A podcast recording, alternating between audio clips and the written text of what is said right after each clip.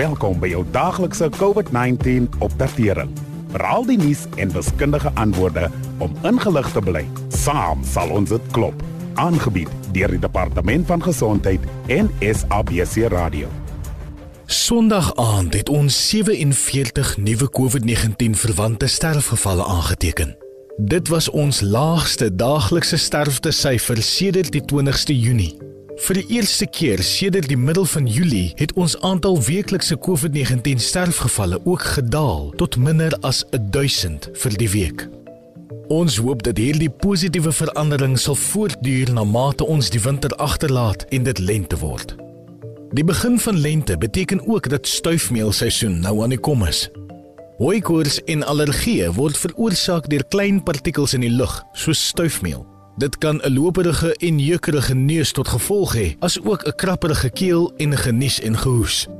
COVID-19 en allergieë het 'n hele klomp simptome gemeen. Om te weet wat die verskille is, kan die komende allergie seisoen vir baie mense veel minder stresvol maak. Met COVID-19 kom die volgende simptome algemeen voor: koors, 'n lyf wat seer is en hoofpyn. Aan die ander kant kan 'n jeukerige neus of oë of 'n niesery baie meer waarskynlik die gevolg van allergieë wees. Die lente is ook 'n tyd van groei. Vir baie Suid-Afrikaners het werkloosheid en die verlies aan inkomste as gevolg van die inperking 'n direkte impak op hulle sekuriteit gehad, veral as dit by kos kom. Daar is bevind dat tot soveel as 1 uit elke 3 volwassenes hongerbed toe moet gaan. Selfs voor die begin van die pandemie het meer as 13 miljoen mense in Suid-Afrika nie toegang tot genoeg voedsel gehad nie. Vandag gesels ons met ons gas oor hoe ons kan terugkeer na die basiese beginsels van selfgesonde kos verbou en voorberei en hoe belangrik dit vir ons immuunstelsels is om gesond te eet.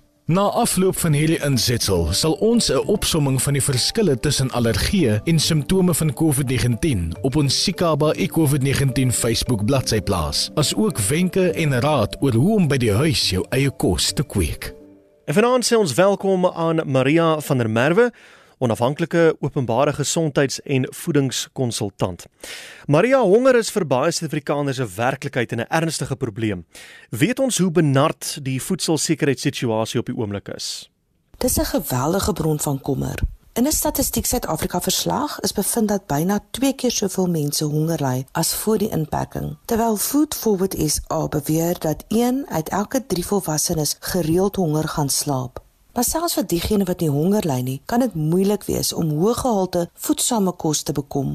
En die probleem het natuurlik vererger met die pandemie. Ten spyte van kospakkies, maatskaplike verligtingprogramme en toelaas, ly miljoene mense honger en honger mense is nie gesond en produktief nie. So dit word 'n bose kringloop. Nou ons weet dat goeie voeding noodsaaklik is vir 'n gesonde immuunstelsel en algemene welstand en dat dit 'n top prioriteit moet wees. Wat kan ons doen om meer Suid-Afrikaners te help om genoeg gesonde kos in te kry? Waarmee ons eintlik moet afskop is 'n nasionale plan om voedselsekerheid te verbeter. Maar intussen is daar goed wat ons nou kan doen om te verseker dat ons en ons gemeenskappe gesonder eet. Ek is 'n groot voorstander daarvan om jou eie groente te kweek. Enigiemand kan dit doen, selfs al bly jy in 'n woonstel of in 'n township of 'n piepklein plekkie. Begin met 'n paar potte of enige ou houer, 'n emmer of 'n sak. Solank water deur die bodem kan dreineer. Al wat jy nodig het om aan die gang te kom, is 'n paar sade, 'n sak grond en kompos, wat jy natuurlik self kan maak van groenteskille. Jy hoef nie baie te spandeer nie en op die ou end sal jy geld spaar. Begin met maklike groentes. Spinasie of morogo is maklik om te kweek. Ook tomaties, wortels en beet en dan ook slaai en kruie. Kosprys bly styg en jou eie groentetuin is een manier om te verseker dat meer mense behoorlik kan eet. Maar waar kan 'n mens raad kry oor hoe om jou eie kos te kweek want uh, nou nie almal van ons het groen vingers nie.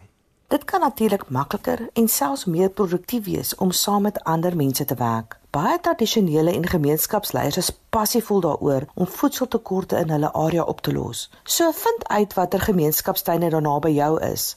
Kyk of jy by hulle kan aansluit of jy kan selfs jou eie gemeenskapstuin saam met die bure begin. Jy kan ook met iemand by 'n plaaslike kwekery, tuinmaakgroep of gemeenskapsentrum praat om raad oor jou klimaat, omgewing en seisoen te kry. Tuinsentrums het baie keer pamflette en kundige personeel om te help. Daar is ook baie groentetuingroepe op Facebook waar jy advies kan kry en natuurlik baie inligting op die internet. 'n Paar nuttige webwerwe is seedsforafrica.co.za wat plantgidse vir groente vir elke provinsie het en thegardener.co.za. So nadat ons 'n paar groente gekweek het, watter wenke het jy vir ons dat ons dit kan omtower in 'n lekker gesonde bord kos?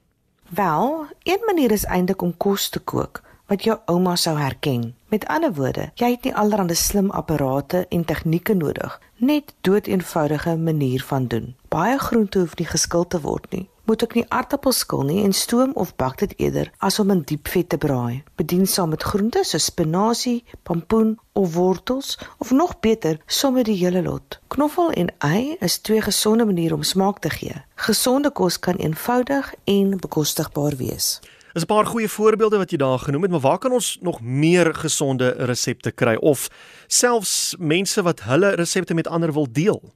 Daar is hoop gesonde resepte beskikbaar. Ons Sikaba COVID-19 Facebookblad het 'n wonderlike boekie van die Vereniging vir Dieetkunde in Suid-Afrika en die Voedselvereniging van Suid-Afrika met voedsame, bekostigbare geregte. Ons sal ook graag wil hoor watter tuinmaakwenke en gunsteling gesonde resepte ons luisteraars vir ons het. So deel dit asseblief met ons op die Facebookblad. Ons sê baie dankie aan Maria van der Merwe. So stuur 'n stemnota na Sikaba en vertel vir ons Wat is jou gunsteling maaltyd en hoekom? Jy hoor jouself dalk volgende week hier op RSG. So stuur daardie stemnota na 071 326 7272. Dis 071 326 7272. Sluit weer môre by ons aan so in die koers van kwart voor 6 wanneer ons die onderwerp van ontsmetting tydens Covid gaan ontsyfer en wat ons moet doen om veilig te bly. Dankie dat u geluister het na die daaglikse COVID-19 inligtingstuk aangebied deur die Departement van Gesondheid en SABC Radio in samewerking met die Solidariteitsfonds. Wees veilig, bly gesond. Saam sal ons dit klop. Suid-Afrika.